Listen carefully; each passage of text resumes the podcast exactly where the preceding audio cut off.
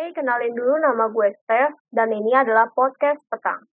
Nama dari podcast ini diambil dari singkatan perempuan tangguh, yang memiliki makna perempuan yang tetap tegar dan sabar dalam menjalani kehidupannya.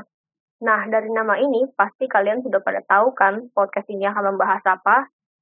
Ya, benar banget. Dalam podcast ini, gue akan membahas topik seputar gender dan seks, serta feminisme di Indonesia, yang sering banget dianggap tabu oleh masyarakat Indonesia.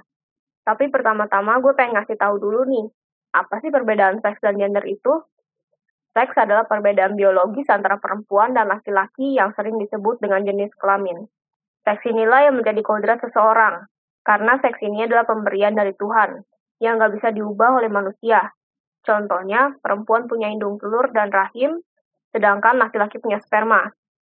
Kalau gender lebih merujuk kepada perbedaan relasi sosial antara perempuan dan laki-laki yang sangat bervariasi dan dapat berubah dari waktu ke waktu. Contohnya, perempuan gak harus punya rambut panjang aja. Buktinya sekarang banyak kok artis-artis perempuan yang mempunyai rambut pendek, kayak Cara Delevingne, Ruby Rose, dan masih banyak lagi. Begitu juga sebaliknya, laki-laki juga gak harus punya rambut pendek aja. Mereka juga boleh mempunyai rambut panjang. Sekarang kalian sudah tahu kan perbedaannya? Yuk, sekarang kita bahas mengenai feminisme. Feminisme itu apa sih sebenarnya? Apakah feminisme itu cuma mendukung hak perempuan saja? Kenapa sih kita perlu gerakan feminisme di Indonesia? Pasti kalian pernah kan sepintas kepikiran akan hal itu? Sekarang kita bahas dari awal dulu ya. Feminisme adalah sebuah gerakan perempuan yang menuntut emansipasi atau kesamaan dan keadilan hak dengan laki-laki.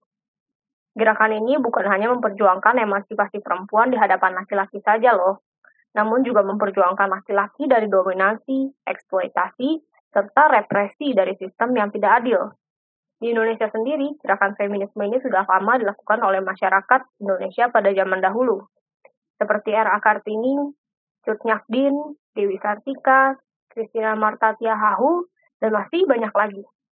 Mungkin mereka tidak menyebut diri sebagai feminis, tapi apa yang mereka lakukan sama dengan apa yang dilakukan oleh kaum feminisme saat ini. Kalau ditanya, perlu gak sih gerakan feminisme ini diterapkan di Indonesia? Jawabannya menurut gue itu perlu banget. Karena di Indonesia banyak banget kasus yang menimpa kaum perempuan. Contohnya, masih banyak banget tindak kekerasan yang dialami oleh perempuan. Perkawinan anak perempuan di bawah umur juga masih marak loh di Indonesia. Faktanya, menurut Badan Pusat Statistik, setiap tahunnya ada sekitar 340 ribu anak perempuan menikah di bawah usia 18 tahun. Nah, nggak usah jauh-jauh deh.